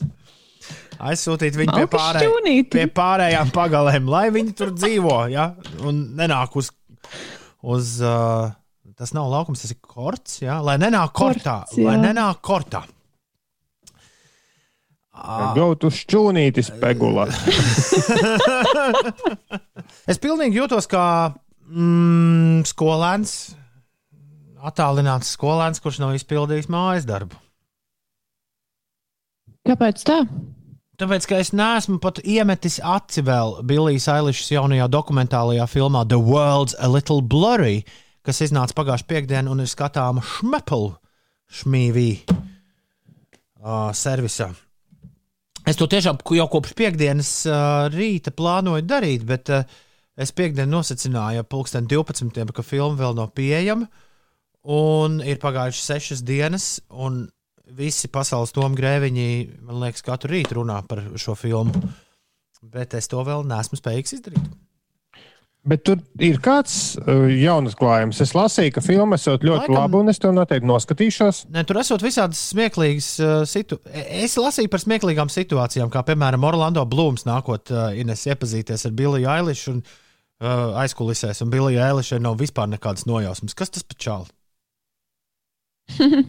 nu, tur tāda. Es saprotu, ka tas ir tāds tā kā aizkulišu dokumentējums. Jā, es nesen klausījos podkāstu, kur viņi ar brāli bija ciemos pie lieliskiem trīs aktieriem. Podkāsts Smartless iesaku visiem. Tur viņi stāstīja, viena no lietām, viņi stāstīja, ka ir rīktīgi grūti būt nedaudz slavenam. Daudz sliktāk nekā būt ļoti slavenam. Ar ko tas atšķiras? Kāpēc? Nu, jā. Tad, kad tu esi, nu, tad, kad tev ir YouTube sekotāji vairāk miljoni, un kad jebkur, kur tu parādies, ir kliedzošs meitenīšu pūles, un tu pelni, nezinu, tur daudzus desmitus tūkstošus mēnesī, tu vēl nevari atļauties pilnu apsardzi, jo tas ir riktīgi dārgi. Bet, un tu vēl it kā mēģini, nu, viņi saka, teiksim, tie pasaules slavenākie youtuberi ir vissliktākajā, nu, tādā iespējamajā posmā, jo viņi vēl nav mega bagāti. Bet tajā pašā laikā viņiem nedod cilvēku mieru. Un, saka, un viņi teica, apsardzes ir ļoti dārgs pasākums. Oho. Ļoti dārgs. Oho. 8,52 ir pareizais laiks. Es jums visiem novēlu, lai jums nekad nevajag apsardzi. Jo tad jums būs daudz naudas. Nu, tā sanāk. Pag. Kaut kas tur nebija kopā. Uh, labrīt! labrīt!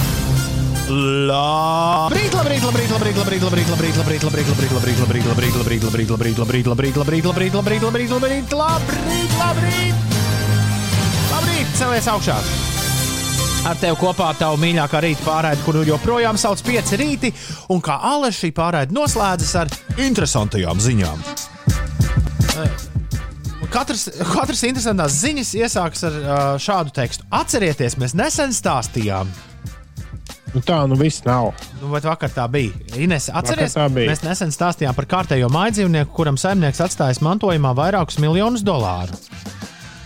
Uldis ir pilnīgi nejauši uzgājis stāstu par pasaulē patiešām visbagātāko suni, un dažas detaļas šajā stāstā ir tik interesantas, ka mēs to nevaram laist garām. Pasaulē bagātākā suņa tituls pelnīt pienāks vācu aitu sunim vārdā Gunter Fier. Bet interesanti, ka viņš savus īpašumus nav saņēmis mantojumā no kāda cilvēka. Vairākus simtus miljonu lielās bagātības Gunter Fier ir mantojis no sava tēva, arī vācu aitu suņu vārdā Gunter Drai.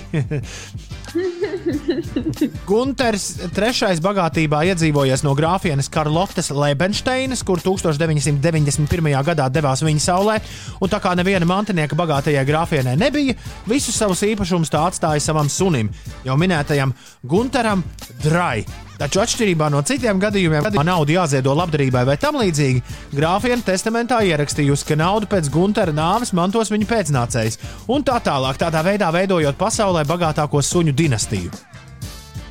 Interesanti, ka ļaudis, kas pārvalda Gunteru dinastijas īpašumus, ir diezgan labi pastrādājuši, jo grāfienes 91. gadā atstātie nepilnie 100 miljoni dolāru šobrīd ir pieauguši līdz 375 miljoniem un turpina augt. Tātad, ja neskaidrs dažus neveiksmīgus ieguldījumus, piemēram, futbola kluba iegāde Toskānā vai teātris izrādes The Burgu Burgundijas producēšanu, Gunters Corporation izrādījies ļoti veiksmīgs uzņēmums. Un tā oficiālais prezidents Gunters Fier, kurš pateica, kurš vismaz uh, Gunters Finf vai Gunters Zeks var pelnīt, baudīt sava darba augļus. Kāpēc viņš ir Gunters Finf vai Gunters Zeks? Es mēģinu saprast, kāpēc tu vācisku la- lasi. Varbūt tāpēc, ka vācu aitu suns. Nu, jā, sunītis. Jā, bet sunītam ar Vācu, Vāciju nav nekāda sakara. Viņš ikdienā dzīvo Miami villā, kas 2000. gadā par 7,5 miljoniem tika nopirkta no Madonas. Un kamēr pats saimnieks lielāko daļu laika pavada galvenajā guļamistabā, atlikusī māja tiek iznomāta TV un kino vajadzībām. Tāpat suns esot biežs peldbaseina viesis, Gunteram ir savs limuzīns, pavārs, kopējs, kā arī diennakts apsardze. Nu, īsta suņa dzīve, ko lai saka? Pirms brīža kāds klausītājs mums rakstīja par vēlmu loterijā laimēt miljonu, un, ja mēs parasti loterijas tēmas neaiztiekam, jo gal galā tā ir azartspēle un tā tālāk, tad šorīt, lai iet viens loterijas stāsts no apvienotās karalistes. Kāda dāma studenti jau nedēļām ilgi pērk šmūrošu miljonus loterijas biļeti, katru reizi izvēloties vienus un tos pašus laimējošos ciparus. Un pagājušajā nedēļā uzcītība vainagojusies ar panākumiem, un izvēlētie cipari laimējuši lielo balvu. Kopējais balvu fonds Šmērošs miljons ir uh, 182 miljoni. Tātad dāma vārdā Rachel Kennedy no Hertfordšīras būtu laimējusi vismaz uh, ko? Vismaz, vismaz 100 miljonus. Nu, tur dāla kaut kā tur uz tiem uzvarētājiem eiro Tad, nu, miljonus. tad tur novilktu vēl nodoklīt, un droši vien, ka viņiem Nu, jā, jā, jā. 50 būtu. e, problēma. nu, nu. Viņa aizmirst nopirkt biļeti tajā nedēļā. Auč! Oh, oh, oh. Un viņas cipari izkrita. Nu, tie, ko viņi vienkārši katru nedēļu principā nekad nemaina, un liek vienas. Un, jā. Ārprāts, tas tā varētu būt. Nezinu, gadsimta Tāpēc ne- vilšanās. man liekas, tā ir, man liekas, tā ir svarīga loterijas tā pirmā pazīme. Nekad nelasi rezultātus, ja tu neesi uzlicis vajadzīgos ciparus un nopircis biļeti. jā. Un- Katra čeku loterija viss beidzās. Ines man? Ines, man, Ines man liekas, joprojām piedalās. Katra čeku loterija viss beidzās. Diemžēl, jā, es piedalos. Vēl joprojām neesmu neko laimējusi. Kas gan jau būs tāds fēns. Bet varbūt ir tāds ticējs, ja neveicas loterijā, veiksies Eirovīzijā. Nu, es ceru. Es esmu gatava gatavi ziedot, tad Visi loteriju. fani ļoti gaidīja vakardienu, kad mēs saņēmām jaunas ziņas no EBU, kas uh, ir uh, Eiropas. Jā, kas ir Eiropas uh, uh, sabiedrisko mēdīju organizācija, kura organizē Eirovīzijas dziesmu konkursu, kurš šogad notiks. Ir tas lemts, ka Eirovīzijai ir būt, un pagājušā gada scenārijs neatkārtosies. Pusfināls notiks 18. un 20. maijā, bet fināls, kurā piedalīsies 26 dziesmas, 22. maijā. Uh, visiem, kuri Rotterdamā ieradīsies no ārvalstīm, rekomendēts piecas dienas pirms izlidošanas pavadīt karantīnā. Lai iekļūtu Nīderlandē, būs nepieciešams uzrādīt pirms mazāk nekā 72 stundām veiktu negatīvu Covid-19 testu. Nīderlandē delegācijas drīkstēs uzturēties tikai savā viesnīcā, varēs doties tikai uz Eirovīzijas norises vietu savos mēģinājumu laikos, kā arī uz šova tiešraidēm. Un visi tie, kuri strādās uz vietas arēnā, Preses pārstāvi, mākslinieki, tehniskā komanda tiks regulāri testēti. Iekšā tests, ārā tests, iekšā tests, ārā tests. Es laikam pirmo gadu esmu priecīgs par to, ka man nav jādodas komentēt Eirovīziju uz pašu Eirovīziju. Bet Jo pie tam Rotterdam tuvu tas pat nebūtu tik sarežģīti. Mm, jā, bet, viesnī... bet viesnīca un arēna to tepat var dabūt. Klau, bet uh, mēs gaidām ar lielu nepacietību. Nākamā piekdiena, nākamā, nākamā piekdiena vakarā mēs izdzirdēsim mūsu Samantas Tīnas galveno dziesmu. Bet ir pilnīgi skaidrs, ka galvenais pretendents šogad uz Eirovīzijas uzvaru, vismaz uh, visu uh, ļaužu prognozēs, kuri šī, šīs progno, prognozes izsaka profesionāli, Dadijs Freiras no Islandes. Esmu pārliecināts, ka tur strādā labs uh, PR-istu komandas. Un mēs uh, dziesmu tenjeras, zināms tās nosaukums, izdzirdēsim kā pašu pēdējo. Es šobrīd izsaku savu prognozi, kā pašu pēdējo no visām Eirovīzijas dziesmām. Uh, šo- 13. martā tā tiks uh, laista klajā. Uh, arī Dadija Freira dziesma.